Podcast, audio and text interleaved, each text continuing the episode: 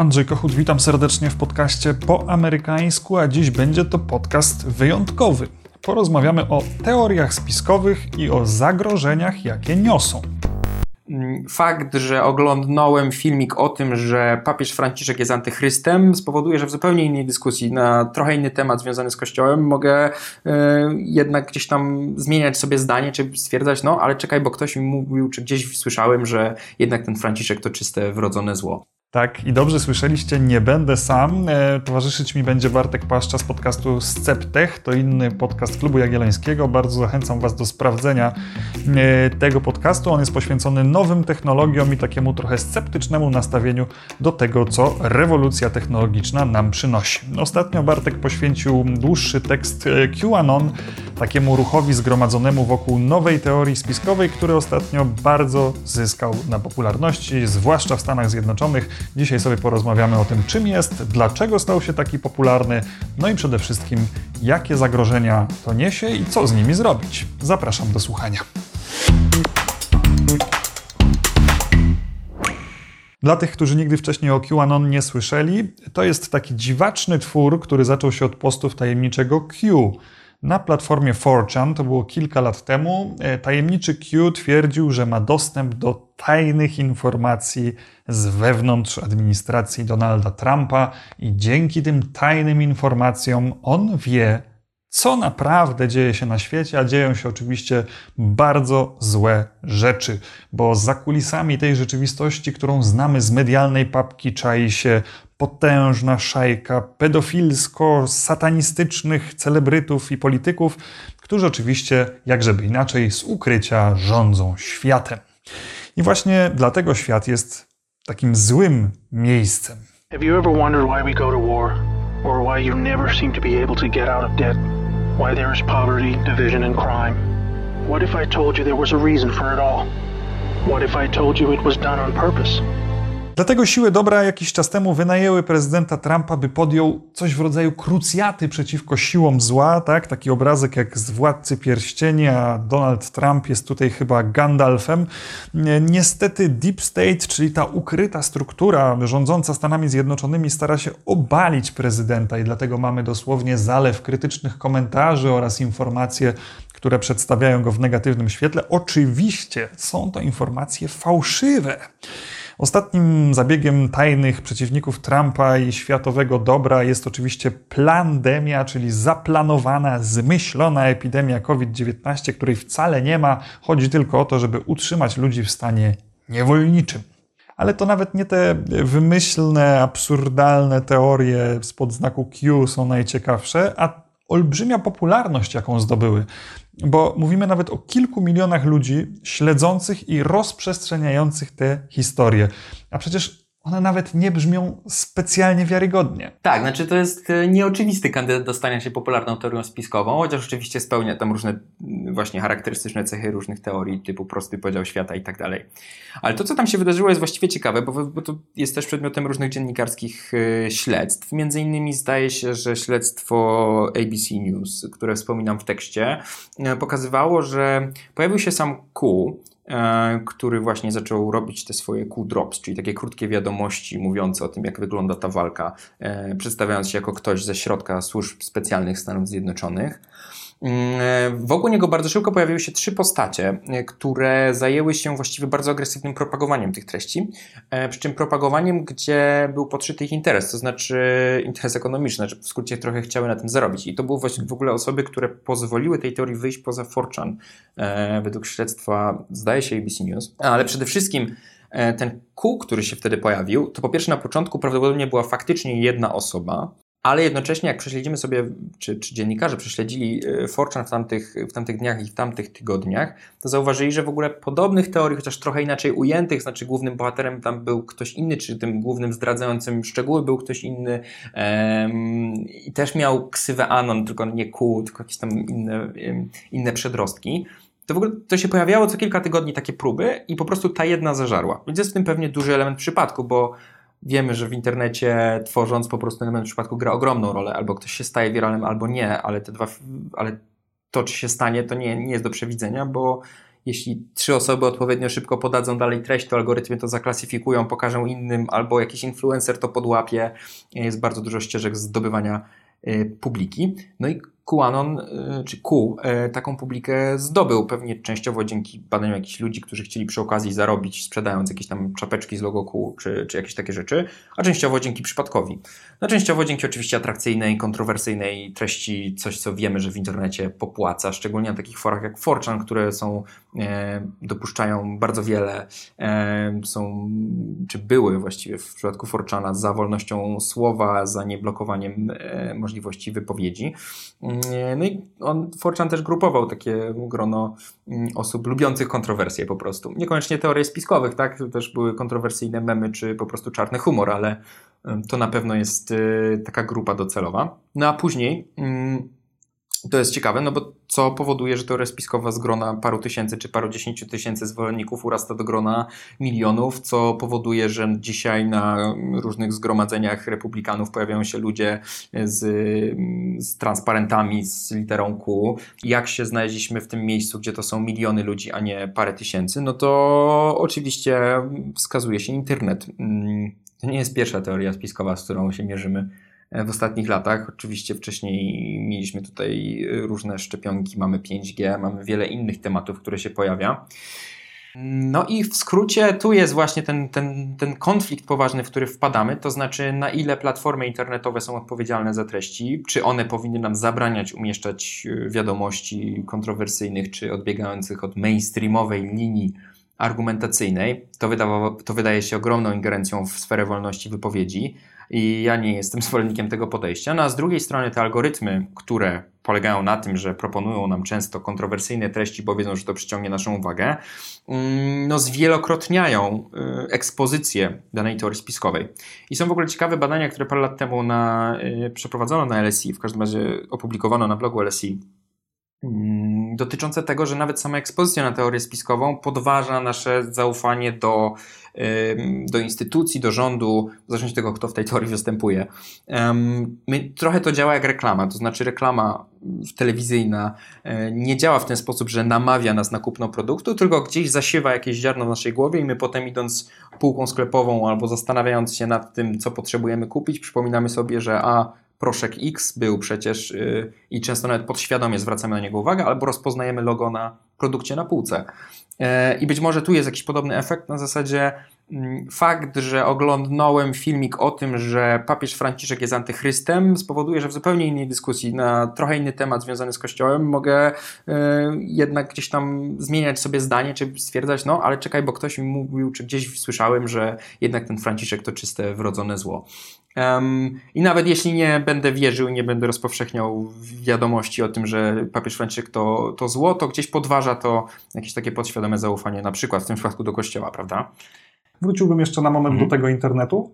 Mhm. Jak bardzo zmieniło to sposób dystrybucji teorii spiskowych, jak na ile mhm. pozwoliło e, dotrzeć lepiej do ludzi, bo mam wrażenie, że tutaj leży klucz do tych nowych teorii spiskowych, że kiedyś one rozpowszechniane były poprzez tak niewiarygodne źródła, że ktoś musiał dosyć dużo naiwności i łatwowierności włożyć w to, żeby w ogóle przyswoić to jako coś możliwego, tak? Przełamać barierę kulturową. Że pewnie, bariera była spora, bo tak naprawdę wiedzieliśmy, że te informacje, na których zazwyczaj polegamy, pochodzą z telewizji, pochodzą z gazet, które znajdujemy w kioskach, a nie od tajemniczego pana w dziwnym kapeluszu, który swoją wydrukowaną w domu gazetkę wręcza nam gdzieś pod kioskiem, prawda? To już powodowało pewną barierę wstępu, nie mówiąc o barierze dystrybucji, to znaczy mhm. ten pan stojący pod kioskiem z dziwnymi gazetkami nie miał szans na dotarcie do połowy społeczeństwa na przykład. Tak. No na, na pewno jak się pojawił internet, no to oczywiście na początku wszyscy byli zachwyceni tym, że każdy może pisać. Potem się okazało, że to otwiera też bramy do pisania każdemu. I okazuje się tutaj szokującą implikacją, że w, że w takim razie część osób o kontrowersyjnych poglądach y, również z chęcią z tej możliwości skorzystało. E, ale między tymi teoriami dzisiaj, w sensie w ostatnich, szczególnie powiedzmy, że 5-10 latach, a teoriami z początków internetu i ich rozpowszechnianiem, ja widzę znaczącą różnicę chociaż to może być moja opinia i moja intuicja. Ale jeśli przyjrzymy się temu wczesnemu internetowi, no to tam owszem, ja mogłem na moim blogu, powiedzmy, linkować do Twojego bloga, gdzie opisywałeś Donalda Trumpa walczącego z systemem, E, mogliśmy sobie stworzyć takie kółko zamknięte, które się nawzajem cytuje, wspiera i rozwija, i oczywiście to się działo. Pojawił się Google, gdzie też gdzieś tam po wpisaniu tych haseł można było odnaleźć te nasze blogi, ale to było o tyle trudne, że jednak to były nadal małe grupy, w związku z tym nie byliśmy wysoko w rankingach wyszukiwarek. To znaczy, mm, różnica trochę polegała na tym, że PageRank, algorytm Google'a premiuje te znane strony, czy te popularne strony internetowe, do których odwołują się inne strony. Czyli, Czyli mechanizm dawny, duże tak. gazety, a nie gazeta tak. od pana pod kioskiem. Czyli zazwyczaj CNN w wieściach o papieżu był wyżej, bo jednak do tej strony dużo więcej innych stron się odwołuje niż mój blog. którego nie miałem swoją drogą, ale gdybym go założył. natomiast to, czym mamy do czynienia teraz, to jest zupełnie inny internet, bo pewnie gdzieś tam taką naszą najczęściej odwiedzanymi stronami to są tak zwane platformy, czyli e, Facebook, Twitter, Instagram, YouTube, e, Twitter, czy być może nawet takie tablice jak e, gdzieś tam 4chan, które działa trochę inaczej. Ale chodzi o to, że tam jednak to, co jest polecane, jest w dużym miejscu, w dużym większym stopniu kontrolowane przez algorytmy. One polecają nam treści tak, żeby nas jak najdłużej zatrzymać na platformie, a żeby to zrobić, no potrzebują wywołać w nas emocje. Jednym z rzeczy, które wywołuje w nas emocje, najczęściej są treści kontrowersyjne.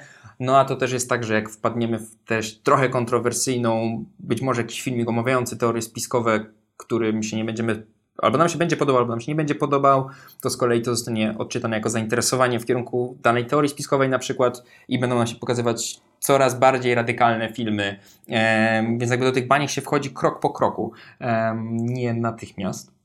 Um, no i to jest coś, co, znaczy to jest to, gdzie ja rozróżniam jakby wolność wypowiedzi od y, wspierania tych wypowiedzi. I, I, tutaj rozróżniam pewną odpowiedzialność platform. Zresztą one chyba podchodzą do tego tak naprawdę dosyć podobnie. Czyli pozwólmy ludziom umieszczać posty na tematy, które chcą, oczywiście dopóki nie łamią prawa i tak dalej, ale to, jak poleca algorytm, na to możemy mieć wpływ i na to powinniśmy transparentnie spoglądać, tak? No bo faktycznie, faktycznie w przypadku QAnon to te grupy zyskiwały ogromne zasięgi nie na Forczanie, e, nie na jakichś niszowych blogach, tylko Twitterach, Facebookach, Instagramach itd., tak itd. Tak i YouTubach, tak? Czyli właśnie tam, gdzie po prostu przebywają wrzesze ludzi i to tam mogą do tego, do tego, do tych treści dotrzeć. Czy, czy to jest pełna odpowiedź na to, skąd to się stało popularne? Oczywiście nie i pewnie duża doza w ogóle jest w tej przypadku ale na pewno jeszcze bardziej podkreślę to pytanie, kto odpowiada y, za prawdziwość treści, tak? Mhm. E, prawo prasowe dotyczy, dotyczy, dotyczy tradycyjnych mediów. Już mamy problem z tym, co jak strona nie ma redaktora naczelnego, to czy można do niej wystąpić o sprostowanie? Dawne media tradycyjne były ściśle kontrolowane. My zatrudniali, w sensie ja, redaktor naczelny wielkiego dziennika, zatrudniałem dziennikarzy, za których odpowiadałem za to, żeby oni nie kłamali, bo to była też moja odpowiedzialność. W internecie oczywiście cała ta struktura nie jest do odtworzenia po prostu i potrzebujemy jakichś nowych, nowych regulacji, które spowodują, że nie będziemy na tak zwaną jedynkę wypychać y, treści najbardziej radykalnych, kontrowersyjnych, e, czy po prostu nieprawdziwych. Przejdźmy może do wątku zagrożenia, bo o tym rozmawialiśmy już e, chwilę temu. To nie wydaje się oczywiste. Dlaczego popularność takiej czy innej teorii spiskowej miałaby w nas wywoływać niepokój? Bo to przecież się oczywiście zdarza, że jakaś teoria zyskuje sobie popularność, ale czy to, że ludzie wierzą, że nigdy nie było lądowania na Księżycu, w jakiś sposób zagraża mnie lub tobie lub całemu społeczeństwu? To nie jest jasne. Dlaczego społeczeństwo miałoby się czuć zaniepokojone tym, że poglądy QAnon o ukrytej szajce pedofilów e, zyskują popularność, e, czy, czy miałoby się z tego powodu czuć zagrożone, czy miałoby podejmować jakieś radykalne kroki polegające czy to na cenzurze, czy na jakiejś wojnie na algorytmy, które miałyby ograniczyć to zjawisko. Właśnie myślę, że po pierwsze nie na cenzurze, ale do tego przejdę potem. E, ja jednak lubię koncept wolności słowa i nie chciałbym go ograniczać, ale dlaczego to jest jakoś istotne? No właśnie dlatego, że wielkim pytaniem jest, na ile teorie spiskowe mają na nas ten wpływ. To jest trochę to, co wcześniej mówiłem, porównując je do reklamy. To znaczy, myślimy siedząc przed telewizorem, że jesteśmy mądrzy, bo my nie słuchamy tych reklam. Ja wybiorę racjonalnie produkt, który będzie najlepszy, ale sam, przez sam fakt obycia z marką jest budowane z nami zaufanie, przez sam fakt zapamiętania nazwy produktu e, on zyskuje przewagę, bo w sklepie z grona 10 anonimowych proszków do prania wybiorę ten jeden czy dwa, które znam pewnie lepiej, e, bo mi się dobrze kojarzą. mm, na przykład z filmem, który oglądałem.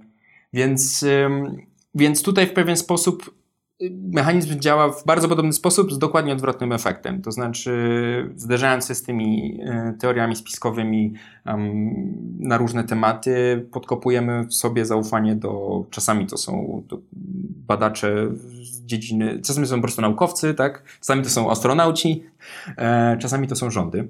E, więc rozmieniamy sobie to, to zaufanie społeczne na, dobre, na drobne i no, zmierzamy w nieciekawym kierunku. Oczywiście rządy się myliły, robiły złe rzeczy, robią nadal złe rzeczy i, i, i to nie jest tak, że mamy w nich pokładać pełne zaufanie, mamy na to krytycznie patrzeć, no ale na pewno zbyt niskie zaufanie do rządów również jest problemem, a pamiętajmy, że Polska w ogóle w rankingach zaufania historycznie nie zawsze wypada słabo, oczywiście ze względów pewnie historycznych, braku zaufania do poprzedniej, do, do PRL-u, w skrócie do władz PRL-u, które były przecież opresyjnym państwem, e, dyktaturą i, i tak dalej. Więc dla nas, u nas w Polsce, tym bardziej to zaufanie jest istotnym tematem. No tak, a ponieważ te teorie spiskowe stały się realnym zagrożeniem, to coraz ważniejsze wydaje się pytanie, co właściwie powinniśmy z nimi zrobić, i temu poświęcimy dalszą część tej rozmowy. Będziemy próbować się zastanowić, co właściwie ludzkość powinna zrobić z teoriami spiskowymi. Czy może wystarczą sprostowania? Kłopot w tym, że przecież ludzie wierzący w teorie spiskowe nie chcą słuchać nikogo, bo przecież są przekonani, że rząd, że naukowcy, że media to jeszcze jedne elementy tej wielkiej sieci, która stara się ich opleść i nie dopuścić do nich prawdy. Co w takim razie? Może czas na staromodną cenzurę? Nie wierzę w to, że całkowicie w ten sposób da się dać odpór y, teoriom spiskowym. No rzeczywiście, po prostu prosta cenzura, usuwanie tych osób, yy, znaczy usuwanie tych kont yy, i tak dalej, też niekoniecznie jest skuteczna, yy, bo ona oczywiście ogranicza zasięgi, a z drugiej strony tworzy takie mocne poczucie mm, grupy, poczucie jedności tej grupy, tworzy po prostu bohaterów ciemiężonych, y, którzy, którzy są, stają się po prostu jedynymi głoszącymi prawdę, y, więc to w tym sensie Chyba jest taką trudne. drogą bardzo mocno poszedł Twitter ostatnio, prawda? Oni tak. wycięli część tych kont QAnonowych, oprócz tego bardzo mocno przycięli zasięgi na e, sztandarowych hashtagach tej grupy, mhm. w związku z czym ich, e, ich dystrybucja na Twitterze mocno spadła. No i pytanie, czy to, że oni wewnętrznie się zradykalizują, nie jest jednak lepsze niż to, że będą zdobywali nowych zwolenników, mając szeroką ekspozycję. Ja mam problem z Twitterem, dlatego że y, oni wcześniej zaczęli weryfikować prawdziwość tweetów Donalda Trumpa i zdaje się zweryfikowali też y, nie sprawdzałem tego ostatnio, ale na początku tej akcji zweryfikowali również chyba jeden tweet y, któregoś z chińskich y, wysoko postawionych polityków. Nie pamiętam, czy to był Xi Jinping, czy ktoś w każdym razie y, z, chińskich polityków.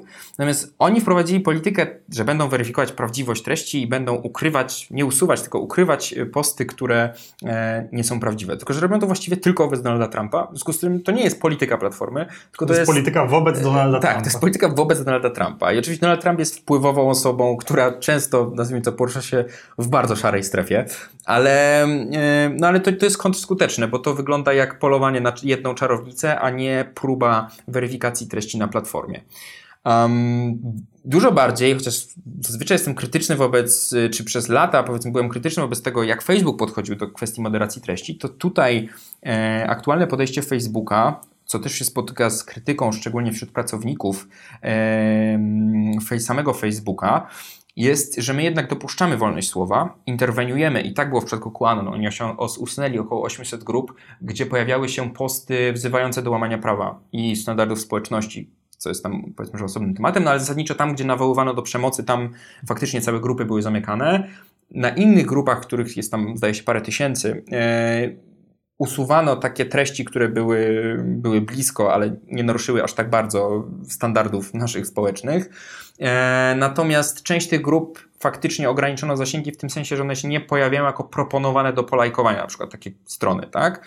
E, nadal można je znaleźć w wyszukiwarce, mm, więc w tym sensie nie jest ograniczona ich wolność wypowiedzi, natomiast to algorytmiczne wspieranie tych treści, w sensie proponowanie tych treści osobom, które tak naprawdę doprowadza do zwiększenia zasięgów e, w dużej mierze, według mnie, to, to jest ograniczane. I według mnie to jest jakiś słuszny kierunek, w sensie podejrzewam, że tak jest oczywiście cienka granica i on wymaga dużo bardziej transparentnej regulacji, w tym sensie, że powinniśmy wiedzieć, kto jest y, wyłączony z działania algorytmów. e, ale nie jest to polityka pod tytułem zamykamy ci usta i, i nie możesz się wypowiadać, która byłaby według mnie kontrskuteczna. No tak, ale znowu dochodzimy do takiego momentu, w którym ktoś w ramach tej platformy będzie musiał zadecydować, które poglądy wolno rozprzestrzeniać, a które są już może teorią spiskową, a może tylko szkodliwe zdaniem właścicieli platformy i tak dalej, i tak. Czyli do momentu, w którym pewnie część konserwatystów powie, aha, czyli teraz Twitter albo Facebook dostanie narzędzia, dzięki którym będzie mógł już nie pokryjomu i mhm. nie przyznając się do tego, e, obcinać zasięgi treściom na przykład niechętnym społeczności LGBT e, czy, czy jakimkolwiek innym, czy antyaborcyjnym na przykład, ale będzie mógł to robić z otwartą przyłbicą, mówiąc tak, naszym zdaniem treści antyaborcyjne czy homofobiczne są szkodliwe społecznie, w związku z tym możemy obciąć im zasięgi do zera. Oni oczywiście mogą się dalej wypowiadać, ale i tak nikt tego nie zobaczy. Tak, no to jest y, bardzo ważna dyskusja. Zresztą wiemy z przesłuchań y, szefów tych wielkich firm technologicznych, że dokładnie takie pytania ze strony republikanów padają. Czasami one są oparte o przykłady, które są według mnie nieprzekonujące. Czasami pewnie, yy, znaczy wiemy też, że są przykłady banowania różnych kont, które yy, i to zarówno i po prawej i po lewej stronie, które my byśmy jako społeczeństwo pewnie dopuścili. Mnie według mnie jest parę podstaw tego, żeby to zadziałało. Pierwszą podstawą jest taką, że istnieje mechanizm odwołania do niezależnej instancji. Znaczy, czy to będzie sąd powołany w tym celu, e, czy jakaś inna procedura, czy jakaś e, instytucja, to jest e, trochę wtórne, ale to musi być poza tą firmą, tak, żebyśmy mieli możliwość tego, żeby ktoś to zweryfikował po prostu. Po drugie, według mnie ważny jest tutaj kontekst lokalny, znaczy czymś innym jest klimat społeczny panujący w Kalifornii, czymś innym jest ten panujący w Berlinie, czymś innym jest ten w Polsce. I jakby nie może, znaczy, no nie możemy narzucać e, te, tego, co społeczeństwo uznaje za, yy, za złe w aż takiej globalnej skali według mnie. Po prostu narzucanie standardów kalifornijskich y, spowoduje, że po pierwsze my jako społeczeństwo tracimy głos co do tego, czym dla nas jest wolność słowa i czym dla nas jest y, jej przekroczenie. Y, no a po drugie to się po prostu nie przyjmie, tak? Czy właśnie wywoła dokładnie te kontrowersje, które już się wielokrotnie pojawiały w historii naszego internetu, na przykład jak konta ONR-u zniknęły z Facebooka, bo naruszały ich standardy społeczności napisane właśnie w Kalifornii przez grupę pracowników Facebooka, prawda? E, no i po trzecie, mm, czyli tak, czyli lokalność, e, niezależność od wołań, no i po trzecie wyświechtane, brzydkie słowo według mnie, transparentność, czyli przejrzystość tego, w jaki sposób to jest e, regulowane, informacje o tym, kto zosta- czyje zasięgi zostały ograniczone, na jakiej podstawie, w jaki sposób, no to są absolutne fundamenty tego, żebyśmy w ogóle mogli myśleć o takim internecie faktycznie działającym dla społeczeństwa. Ja bym jeszcze dołożył czwarty podpunkt szybkość działania. Bo jeśli te tak. procedury tak. odwoławcze będą działały jak część polskiego wymiaru sprawiedliwości, to obawiam się, że tak za pięć lat ktoś przyzna, że blokowanie naszego hashtaga było jednak nie w porządku, ale w kontekście dyskusji, która wydarzyła się pięć lat temu minus dwa dni, już nie ma to żadnego znaczenia. Tak, to prawda. Wydawanie wyroków nawet w, w prawie prasowym było zarzucane, że oczywiście przeprosiny parę dni później, czy parę, nawet w trybie wyborczym, przeprosiny parę dni później już nie są skuteczne, a co dopiero w internecie, gdzie każda minuta ma znaczenie. E, co jest oczywiście wyzwaniem. To zupełnie szczerze mówię, ale wydaje mi się, że, że, że takie sądy 24-godzinne. No, one chyba musiały być 24-minutowe, albo przynajmniej podejmujące tak. decyzje w dłuższym czasie co do jakby całego obszaru mhm. działalności, natomiast case by case to musiałoby się toczyć już bardzo szybko. Ale już kończąc zupełnie, pamiętajmy, że reakcja wszystkich tych wielkich platform społecznościowych poza Redditem, który za, zareagował w 2018 roku, zbanował forum QAnon na Reddicie, no to te pozostałe, czyli Twitter, Facebook, YouTube, to tak naprawdę reagują y, teraz, znaczy w ostatnich miesiącach. E, czyli 3 lata od powstania tego ruchu. Jeżeli z tych 3 lat będziemy w stanie zejść do może nie 24 godzin pierwszego posta Q, ale, e, ale paru miesięcy, e, to bylibyśmy w stanie zdziałać dużo więcej niż dzisiaj, reagując post facto. I tym akcentem myślę, że możemy dzisiejszą rozmowę zakończyć. Bardzo Ci dziękuję. I ja również. Do usłyszenia. I to już wszystko na dziś. Mam nadzieję, że podobał Wam się ten trochę nietypowy odcinek podcastu po amerykańsku. Być może w przyszłości częściej będę zapraszał gości. Zobaczymy, kto wie. Na razie zachęcam do subskrybowania i followowania na tej platformie, na której aktualnie słuchacie, czy jest to e, Spotify, czy Google Podcast, czy Apple Podcast. Zachęcam też do sprawdzenia podcastu Sceptech Bartka Paszczy. Link znajdziecie w opisie, to inny z podcastów Klubu Jagiellońskiego i jeżeli w ogóle podoba Wam się ta e, gałąź działalności klubowej, to zachęcam też do wsparcia finansowego Klubu Jagiellońskiego, co oczywiście można zrobić na stronie klubjagielloński.pl. Do usłyszenia w następnych odcinkach. We'll be right back.